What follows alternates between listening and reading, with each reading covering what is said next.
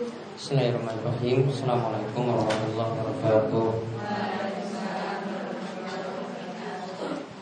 Alhamdulillahirrahmanirrahim Wassalatu wassalamu ala ashrafil anbiya wal mursalin Nabi wa sayyidina Muhammadin wa ala alihi wa man tabi'ahum bi ihsan Baik uh, ibu-ibu sekalian, kita kembali pada kesempatan kali ini melanjutkan tafsir dari surat Al-Kahfi. Kemarin sampai ayat 60 ya, sekarang 61 dan seterusnya.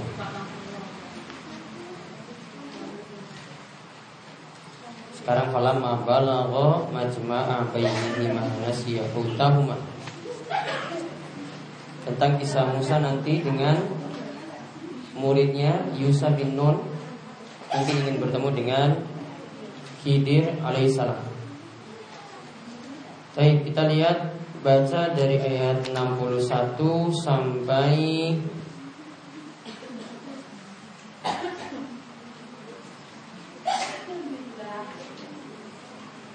sampai ayat 70.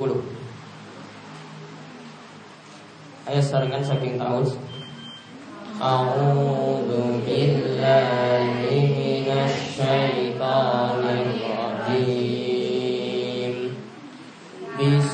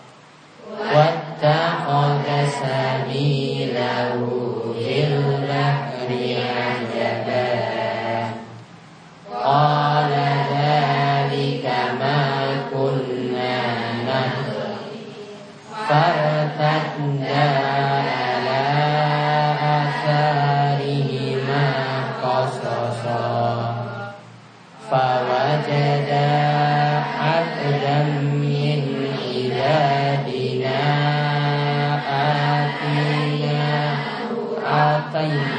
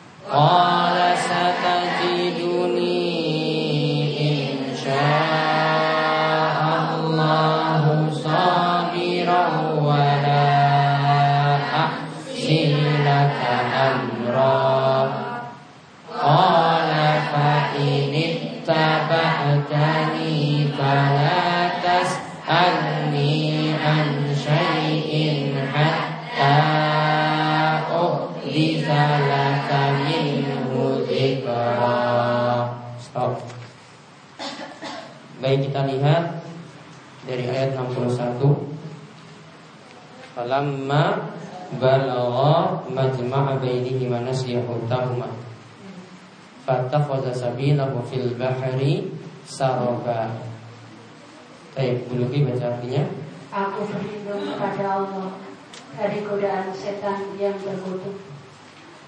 Maka ketika mereka sampai ke pertemuan dua laut itu, mereka lupa ikannya. Lalu ikan itu melompat mengambil jalannya ke laut itu. Baik.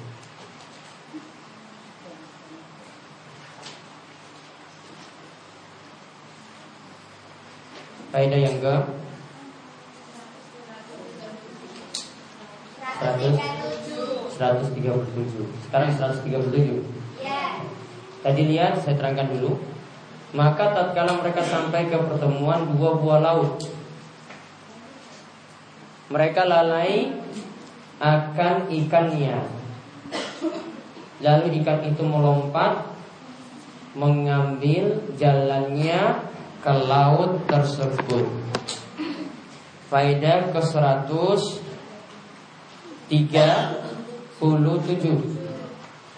Ya, faedah ke 137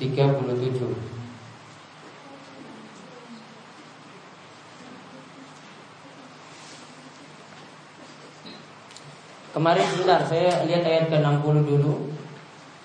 Kemarin Yusa bin Nun itu siapanya Nabi Musa? Yusa bin Nun itu siapanya Nabi Musa? Cucunya atau muridnya atau anaknya siapa? Yusa bin Nun. Kemarin kemarin di catatan kemarin. Anaknya Nabi Musa atau siapa? Muridnya Nabi Musa alaihissalam.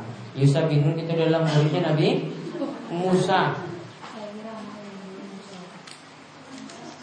Nah, itu kan kemarin dikatakan wa isqala Musa li abrahu hatta ablugha majma'al bahraini aw amliya hukuba.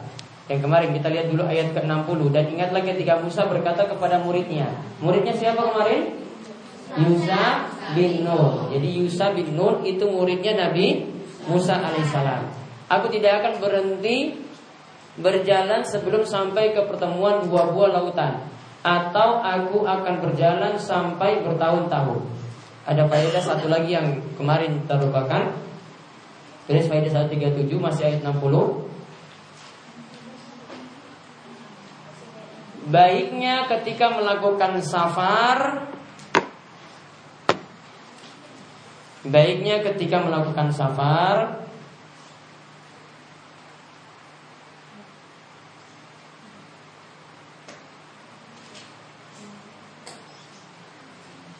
Memiliki teman.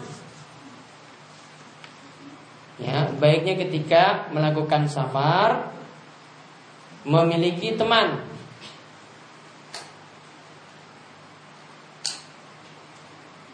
Ya memiliki teman. Agar bisa membantu saat perjalanan. Agar bisa membantu saat perjalanan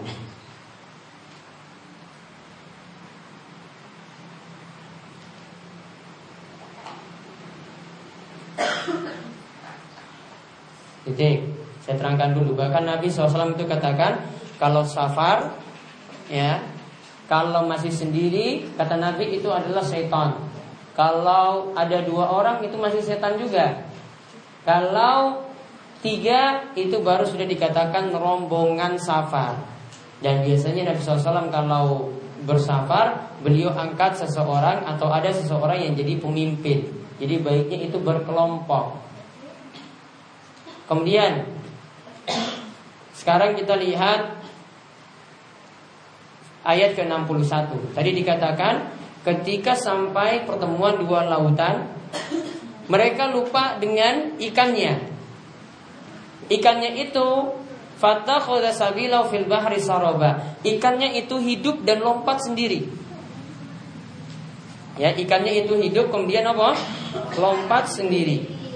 Maka faedah di 138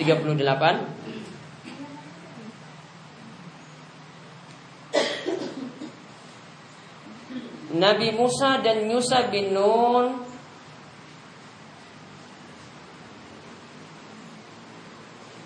lupa dengan bekal berupa ikan.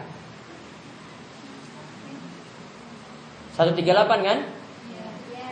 Nabi Musa dan Yusa bin Nun. Yusa bin Nun. Yusa bin Nun itu muridnya. Lupa akan bekal. Bekal mereka berupa ikan. Ya, lupa akan bekal mereka berupa ikan. Kira-kira wajar enggak kalau Nabi itu lupa di sini? Boleh enggak Nabi lupa? Boleh. Jadi lanjutkan lagi titik. Dan mungkin saja orang soleh itu lupa. Ya, dan mungkin saja orang soleh itu lupa.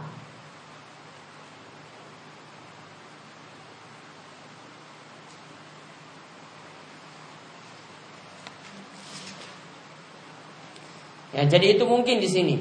Jadi kalau ada seorang nabi juga di sini termasuk Nabi Musa alaihissalam dan muridnya tadi Yusa bin Nun itu lupa itu wajar.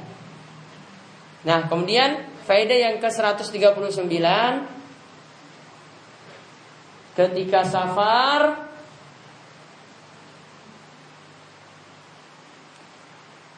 baiknya membawa bekal untuk perjalanan. Baiknya membawa bekal untuk perjalanan.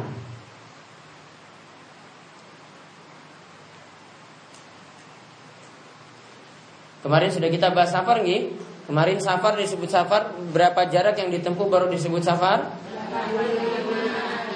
Berapa kilo?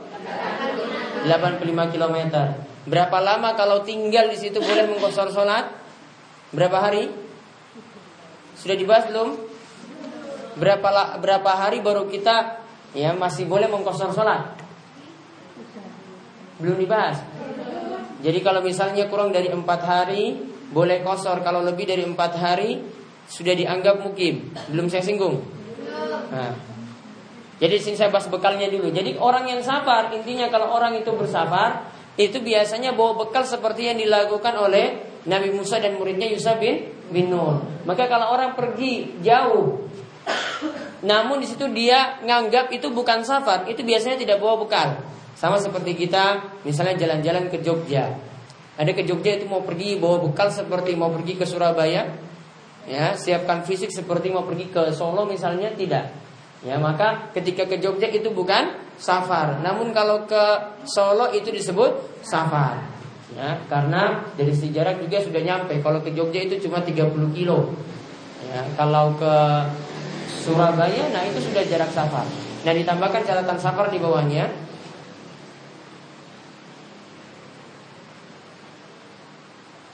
Selama orang itu bersafar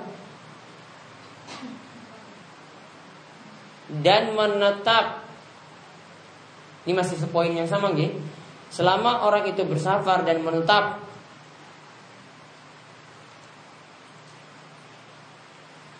kurang dari empat hari. Kurang dari empat hari.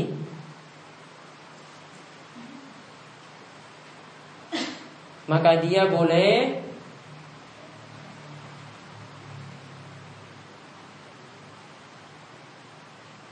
maka dia boleh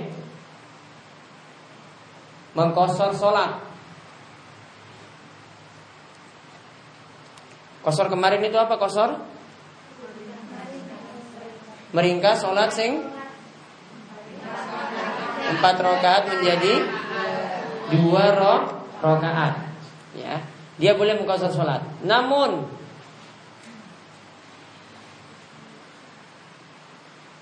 jika safarnya empat hari atau lebih Namun jika safarnya empat hari atau lebih dan menetap ya dia yang kita bahas ini menetapnya dan menetap maka tidak lagi mengkosor sholat. Maka tidak lagi mengkosor sholat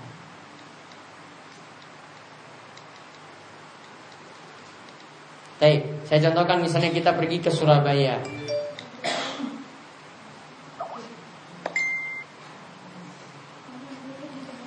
Misalnya ketika jalan ke Surabaya, kemudian sudah netap di situ, tinggal satu hari. Maka selama satu hari itu ibu-ibu masih boleh kosor sholat terus. Namun kalau sudah misalnya lima hari, enam hari tinggal di rumah di sana, maka ketika itu sudah dianggap mukim, tidak lagi mengkosor sholat. Karena sudah lebih dari empat hari. Yaitu tentang masalah kosor sholat seperti itu. Nah kemudian Faedah yang ke-139. Uh, 140 Tadi dikatakan fattakhadha sabila fil bahri saraba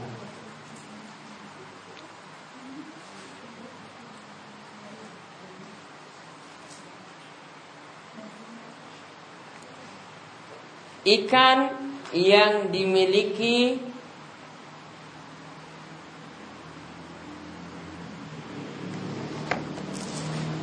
sebagai bekal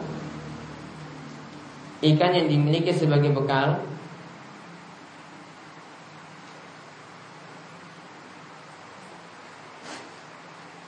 itu adalah ikan yang uh, ikan yang dimiliki sebagai apa?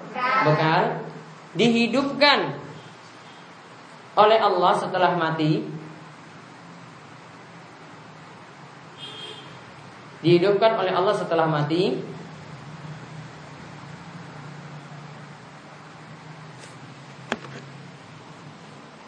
Kemudian melompat ketika itu. Kemudian melompat ketika itu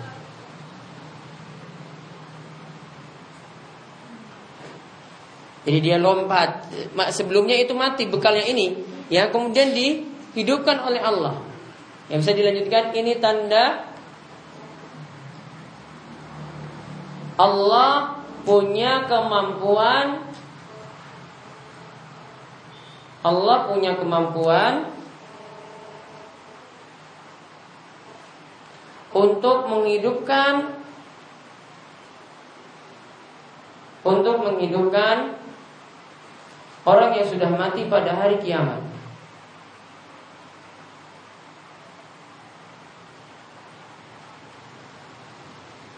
Ya Allah punya kemampuan untuk menghidupkan orang yang sudah mati pada hari kiamat. Jadi kalau ikan saja bisa dibuat hidup seperti itu, nanti manusia juga pada hari kiamat juga akan bisa dihidupkan ketika akan dikumpulkan pada hari kiamat.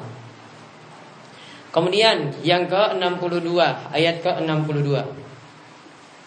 Falamma jawaza qala li fatahu atina ana laqad lakina min safarina hadza nasoba. Dibacakan artinya Umi? Maka maka ketika mereka telah melewati tempat itu Musa berkata kepada pembantunya Bawalah kemari makanan kita Sungguh kita telah merasa letih karena perjalanan kita ini Baik. Ketika telah melewati tempat yang jauh tadi, maka Musa berkata kepada muridnya, "Bawalah kemarin makanan kita tadi, yaitu bekal kita." Laqad lakina min safarina hadza nasoba. Kita telah melewati perjalanan yang melelahkan. Jadi faedah yang ke 141 yang namanya safar selalu berat Yang namanya safar itu selalu berat.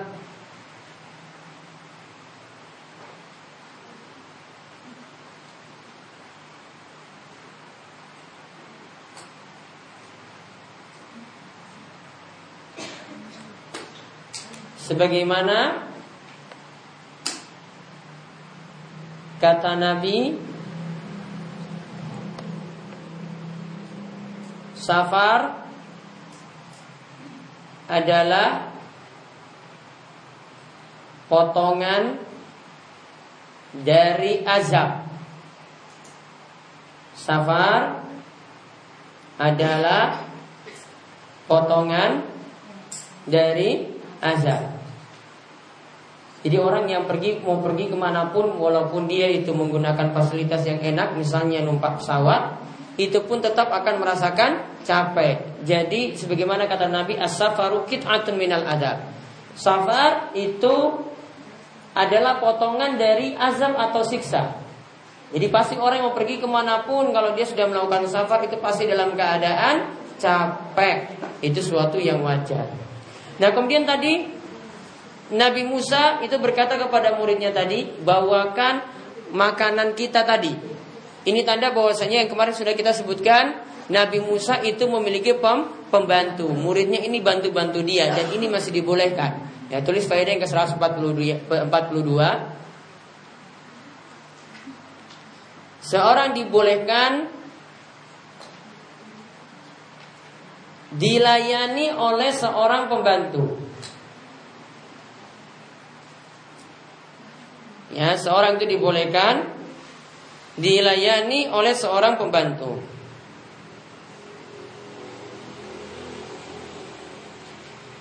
Dan dianjurkan dan dianjurkan untuk memiliki pembantu yang cerdas. Dan dianjurkan untuk memiliki pembantu yang cerdas. agar mempermudah ya agar mempermudah segala urusan.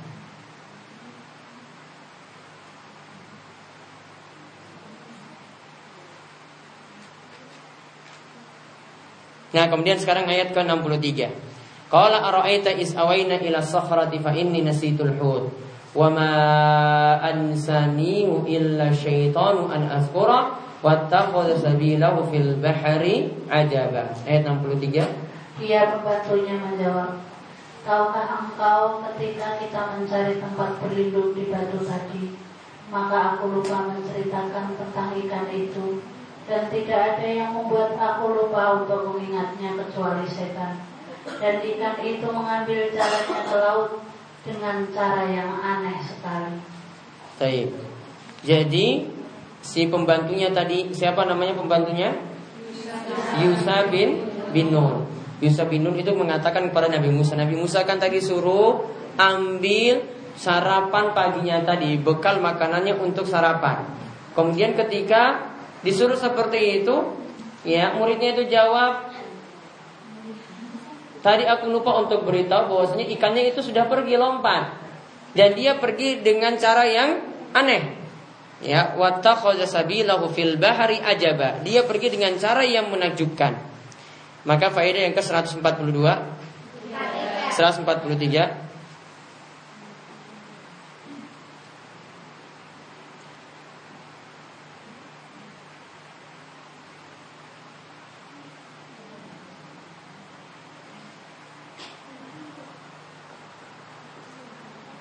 bahwasanya lupa lupa ya lupa.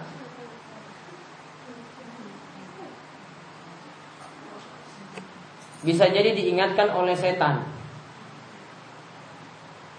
Ya sebagaimana di sini dikatakan tadi. Oma ansanihu illa syaitanu an azkura. Lupa itu bisa jadi diingatkan oleh setan.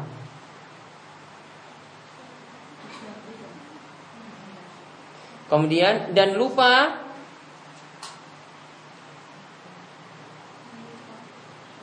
menyebabkan manusia tidak terkena hukuman. Ya, dan lupa itu menyebabkan manusia tidak terkena hukuman.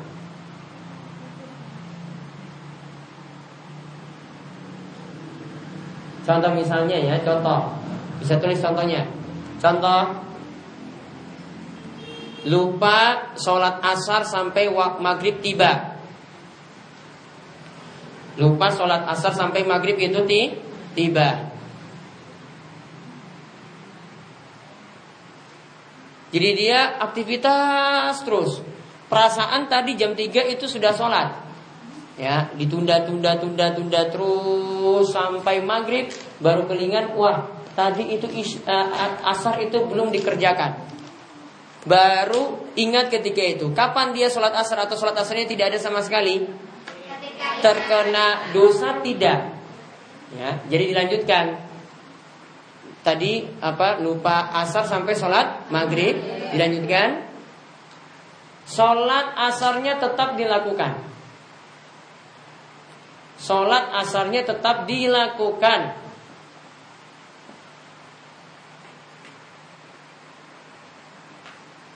Namun tidak terkena hukuman dosa Namun tidak terkena hukuman do, dosa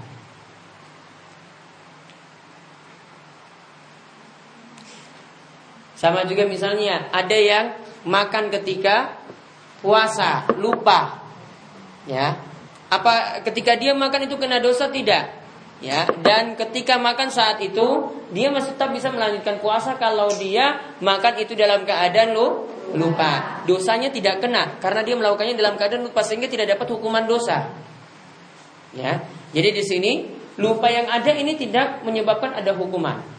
Yang ada itu cuma boleh jadi diganti dan tetap dikerjakan amalan tersebut seperti orang yang lupa tadi sholat asar. Contoh juga misalnya ada yang dalam keadaan junub misalnya subuh belum mandi.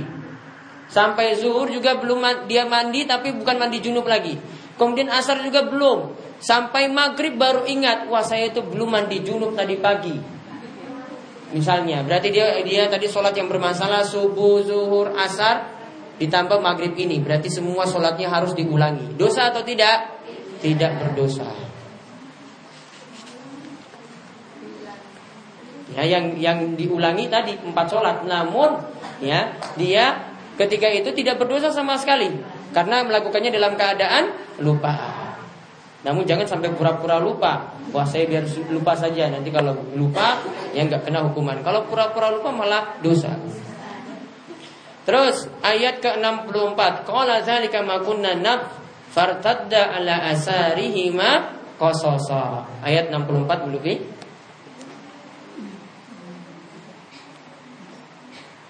Dia Musa berkata, itulah tempat yang kita cari. Lalu keduanya kembali mengikuti jejak mereka semula. Hmm. Jadi mereka tadi kan lupa dengan ikannya. Jadi mereka kembali lagi ikut jalan tadi. Jalan tadi ke tempat ikan yang tadi lompat. Jadi mereka ikuti jalan jalan tersebut lagi untuk cari ikan tersebut. Ya di sini dikatakan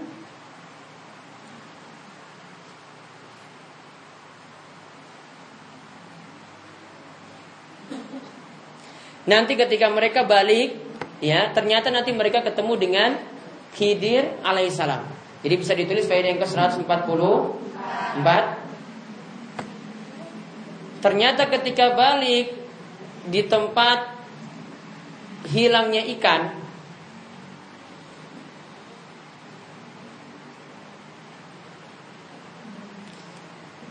Ya, ketika mereka kembali ke tempat hilangnya ikan. Akhirnya bertemu dengan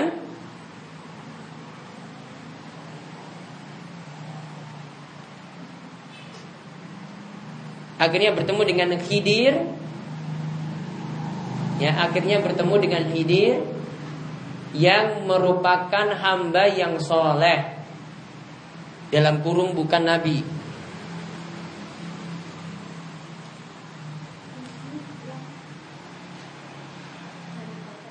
yang merupakan hamba yang soleh dalam kurung bukan nabi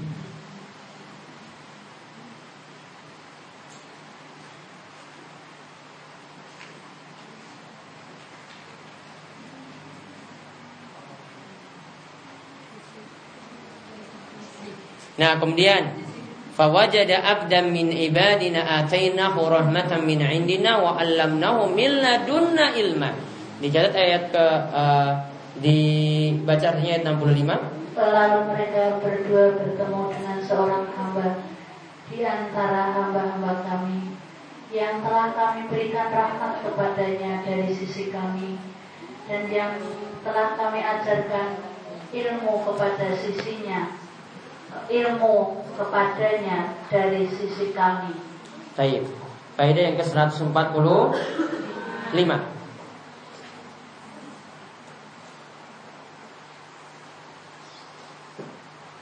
Setiap orang harus semangat mencari ilmu.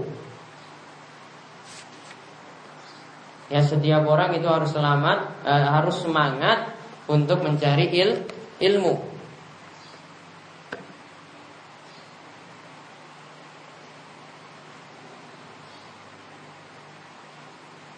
Walaupun mendapatkannya dari orang yang lebih rendah.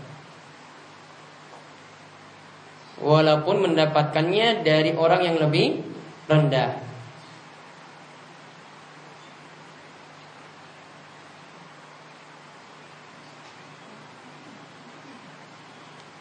Kemudian faedah yang berikutnya.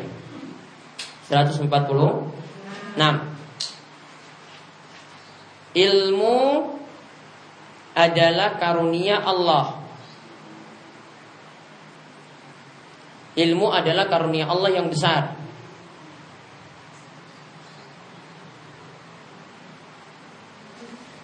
Karena ilmu selalu disandarkan pada Allah.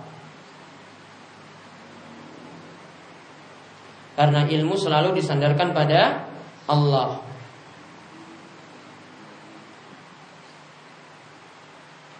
Titik.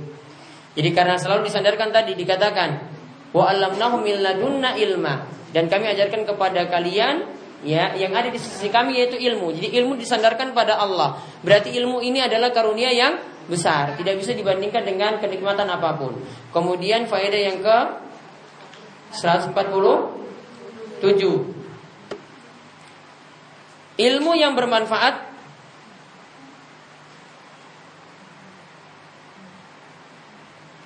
adalah ilmu yang menunjuki pada kebaikan ilmu yang bermanfaat adalah ilmu yang menunjuki pada kebaikan. Berarti sebaliknya kalau ada ilmu yang tidak membawa kepada kebaikan berarti itu bukan ilmu yang bermanfaat. Kalau itu membawa kepada kerusakan berarti itu bukan uh, bukan ilmu yang bermanfaat. Kalau itu membawa kepada sihir misalnya berarti itu bukan ilmu bermanfaat. Kalau itu menyusahkan orang lain juga berarti itu bukan ilmu bermanfaat. Kemudian lihat yang ayat selanjutnya qala lahu Musa hal attabiuka ala an tuallimani mimma ullim tarusda 66 Musa berkata kepadanya Bolehkah aku mengikutimu agar engkau mengajarkan kepadaku ilmu yang benar yang telah diajarkan kepadamu untuk menjadi petunjuk. Baik. Jadi Musa minta kepada Khidir minta supaya diajarkan il ilmu. Maka faedah yang ke-148 hendaklah kita meminta ilmu yang benar pada orang yang berilmu. Hendaklah kita meminta ilmu yang benar kepada orang yang berilmu.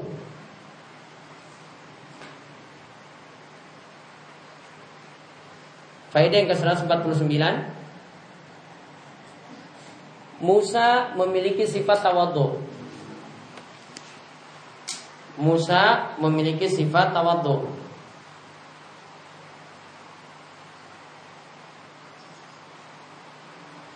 Yaitu rendah hati. Yaitu rendah hati. Sehingga mau belajar dari siapa pun. Ya, sehingga mau belajar dari siapa pun. Jadi dia meminta kepada Khidir tadi tolong ajarkan ilmu. Padahal dari sisi ya kenabian beliau itu lebih tinggi daripada Khidir, namun masih tetap ingin belajar. Ini tanda orang yang tawadu seperti itu. Tawadu itu tadi rendah hati. Kalau rendah diri itu artinya minder. Ya, jadi takut di hadapan orang. Ini bukan, ini sifat tercela. Namun kalau yang dimaksudkan rendah hati, nah itu sifat yang terpuji. Kemudian, qala innaka lan tastati ama iya sabra. Ayat 67 belum ini? Dia menjawab, sungguh engkau tidak akan sanggup sabar bersamaku. Taib. Jadi ketika uh, Musa tadi minta untuk belajar dari Khidir, nanti dalam cerita-cerita selanjutnya pasti nanti Khidir itu nggak sabar. Karena nanti lihat tingkat laku yang aneh dari uh, pasti nanti Musa nggak sabar. Lihat tingkah laku dari Hidir, oh Hidir kok seperti ini seperti ini nanti tanya. Ya, dia tanya terus tanya terus. Nah, itu nanti yang dikatakan nanti nanti Musa itu tidak bisa sabar. Maka faedah ke 150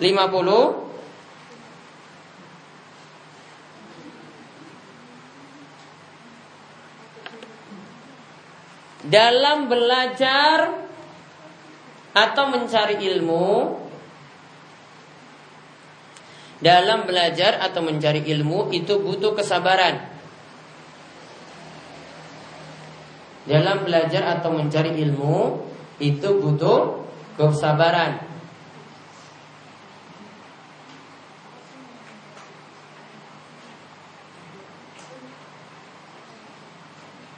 Kemudian dilanjutkan tadi pada ayat 68 wa kaifa tasbiru ala ma lam tuhid bihi khubra. Belum Dan bagaimanakah dan bagaimana engkau akan dapat bersabar atas sesuatu sedang engkau belum mempunyai pengetahuan yang cukup tentang hal itu. Ya.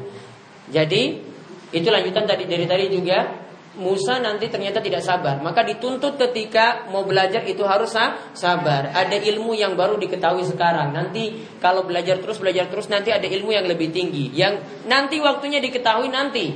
Ya kalau sekarang belajar mulai dari dasar dulu. Nanti untuk mengetahui yang lebih tinggi itu nanti butuh bertahap. Kemudian yang 69 qala satajiduni insyaallahu sabira wala a'si laka amra. Artinya? Iya Musa berkata, Insya Allah akan engkau dapati aku orang yang sabar dan aku tidak akan menentangmu dalam urusan apa pun. Nah, maka ketika itu uh, Musa itu mengatakan insya Allah saya itu jadi orang yang sabar dan dia tidak akan me menyelisih apa yang dia janjikan ketika itu. Baik, uh, faedah yang ke-151 diperintahkan mengucapkan insya Allah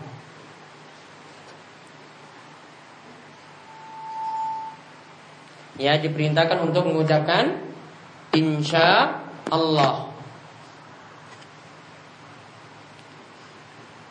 Pada suatu kejadian pada suatu kejadian akan datang.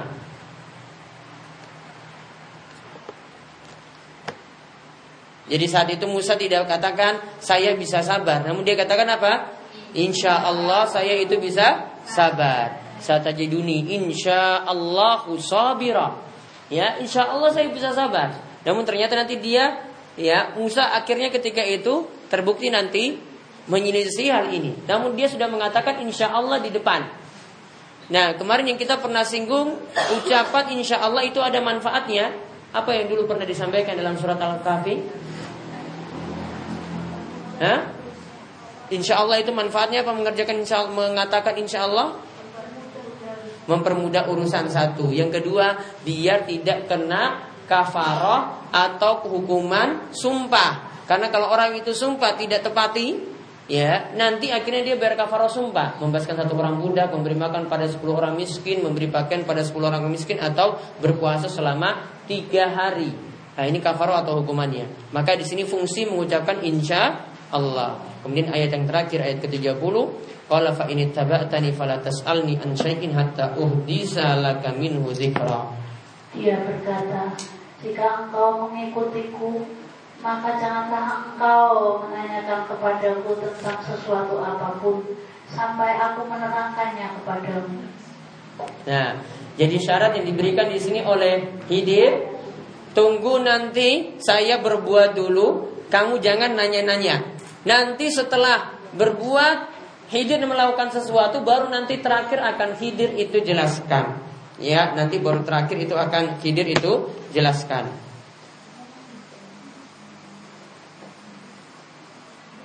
Maka faedah yang terakhir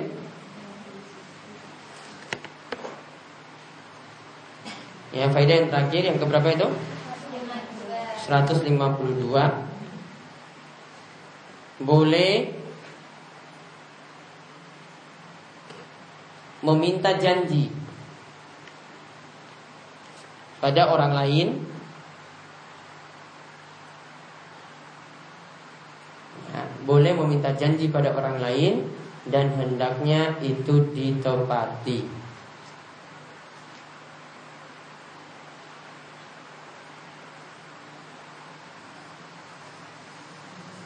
termasuk juga dalam menuntut ilmu atau belajar.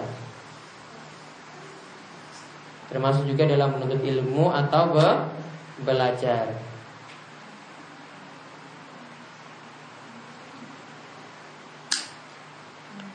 Baik. Nanti pertemuan berikut baru kita bahas tiga kisah Khidir. Nanti dia menenggelamkan perahu Nanti Musa tanya, kenapa kamu tenggelamkan perahu itu milik orang? Kemudian yang kedua, nanti dia bunuh anak kecil. Ya. Kemudian yang ketiga nanti dia membangun suatu bangunan yang ada di kota. Ya, suatu bangunan atau tembok dia dirikan untuk anak yatim. Semuanya nanti dipertanyakan oleh Musa. Nanti insya Allah tayangannya pada pertemuan berikutnya. Tapi untuk pekan depan libur. Nanti pekan berikutnya lagi. Ada yang ditanyakan?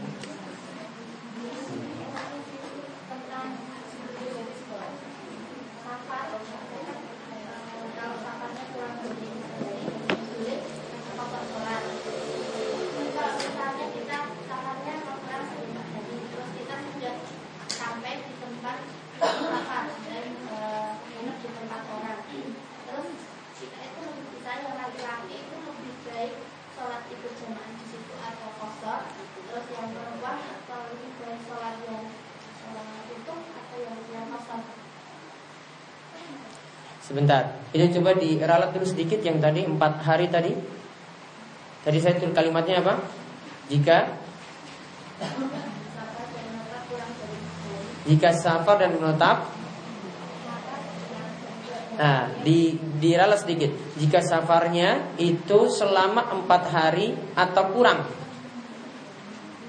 Jadi bukan kurang dari empat hari. Jadi selama empat hari atau kurang.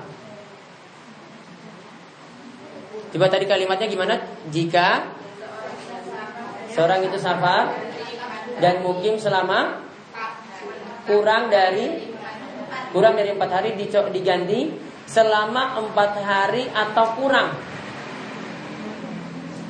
Ya selama empat hari atau kurang. Berarti kalau masih empat hari masih boleh mengkosor. Ya selama empat hari atau kurang maka boleh mengkosor sholat. Kemudian lanjutannya apa? Jika Nah, jika safarnya lebih dari empat hari diganti. Jika safarnya lebih dari empat hari, jadi lima hari ke atas berarti.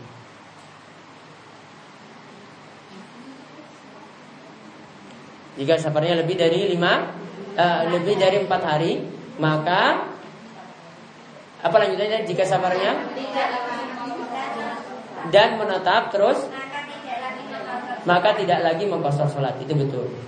Jadi kalimatnya tadi ya yang pertama jika safarnya selama empat hari atau kurang. Kalau yang kedua jika safarnya lebih dari empat hari. Nah tadi apa? Oh, untuk laki-laki kurang dari empat hari. Hmm.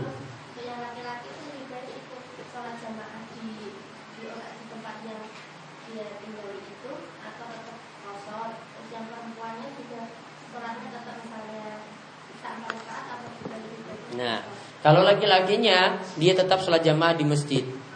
Kalau perempuannya ikut sholat jamaah di masjid juga boleh. Kalau dia sholat jamaah di masjid berarti ikut imam tetap. Imamnya itu sempurna, nggak kosor, maka dia juga sempurna tidak kosor. Namun kalau dia tidak dapat, dia boleh kerjakan di rumah. Sedangkan untuk perempuan yang kerjakan sholat di rumah, maka selama kurang dari empat hari tadi atau empat hari atau kurang, dia boleh mengkosor sholat terus. Kecuali kalau niatannya dia mau tinggal di situ Ingat ya dia mau tinggal di situ lebih dari empat hari. Jadi kalau sudah niatan dari awal lebih dari empat hari, maka bu, maka tidak lagi kosor dari awal.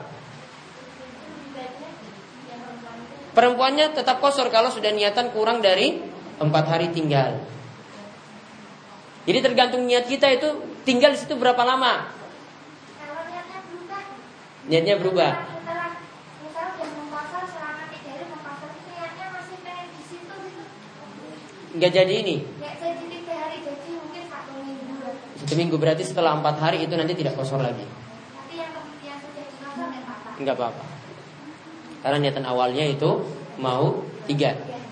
Ada lagi? Ya.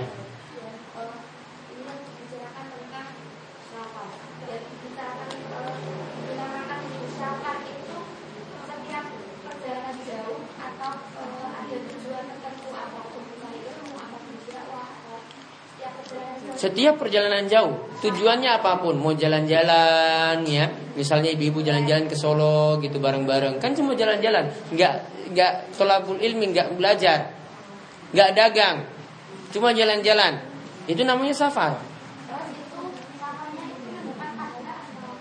Ya ada safarnya yang wajib. Seperti orang yang pergi haji yang wajib. Ada safar yang sunnah, ya. Cuma mau pergi umroh yang sunnah. Ada safarnya yang mubah, itu seperti orang yang pergi dagang atau pergi jalan-jalan rekreasi.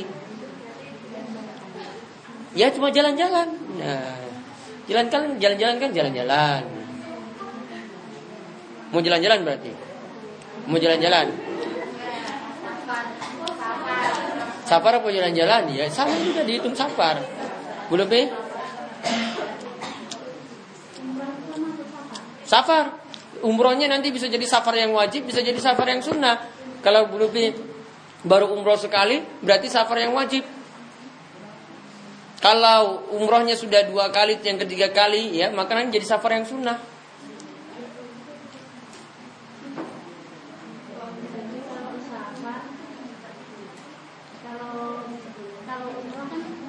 beberapa hari kalau misalnya yang perjalanan ke tanah suci hanya tiga hari itu masih boleh mengkosong boleh jadi kalau selama masih dalam perjalanan, selama itu masih boleh mengkosor, walaupun lebih daripada 10 hari misalnya.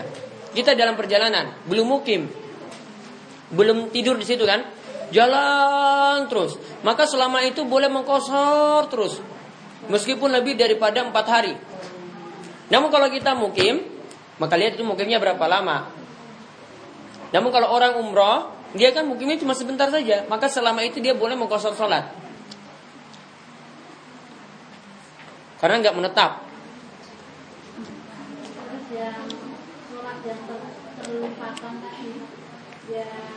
Maghrib, eh apa asar? Nah. Itu yang tadi dalam keadaan junub. Dia junub, dia junub pagi hari kan? Dia kira nggak mandi wajib, cuma wudhu. Subuhnya cuma wudhu. Wudhu kan nggak bisa ganti mandi junubnya. Kemudian tetap wudhu. Nggak ingat loh, ini nggak ingat tenan. Ya, zuhur tetap wudhu lagi. Asar tetap wudhu. Maghrib baru kelingan. Ya Allah, tadi pagi itu saya mandi junub harusnya. Berarti diulang semuanya. Ya, ulangnya itu bareng atau pakai atau pakai jarak gitu. Begitu ingat langsung. Langsung ingat langsung kerjakan. Bayar subuh, bayar -hmm. bayar akar. Iya, langsung.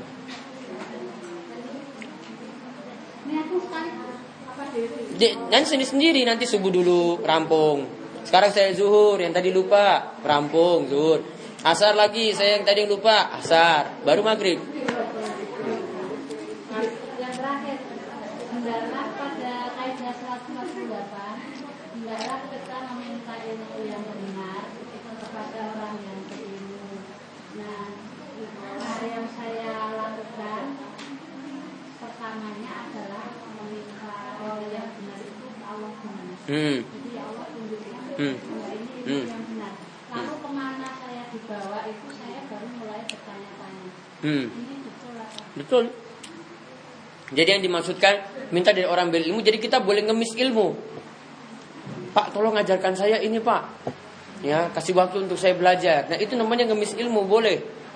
Seperti tadi, Musa minta pada Idir, tolong kasih saya ilmu, saya mau temani kamu terus, tolong kasih saya ilmu. Namun Hidir ketika itu beri Syarat. Kamu nggak boleh nanya-nanya dulu sampai saya berbuat baru nanti aku akan ceritakan terakhir. Ada lagi? Hmm.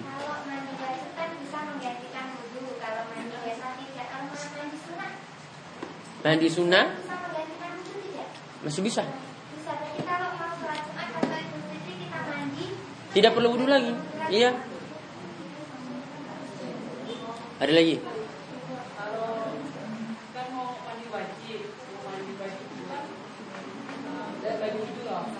Mandi wajib dimulai wudhu.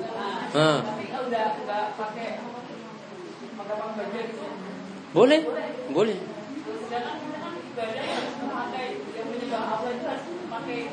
Ya ini kan dalam wudhunya, wudhunya belum sholat. Dalam wudhu itu tidak dipersyaratkan nutup aurat. Dalam sholat baru dipersyaratkan nutup aurat. Iya setelah mandi, jadi wudhu awal, mandi, terus nggak wudhu lagi. Iya, sudah itu sudah mandi tadi sudah untuk wudhunya sudah termasuk. Ini mandi wajibnya kan? Iya. Iya, sudah. Karena sudah hadas besar maka sudah dirangkap hadas kecil di situ sudah hilang. Ada lagi?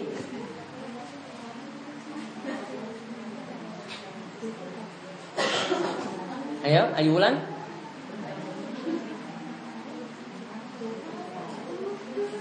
Hmm, sampun? Ya, baik.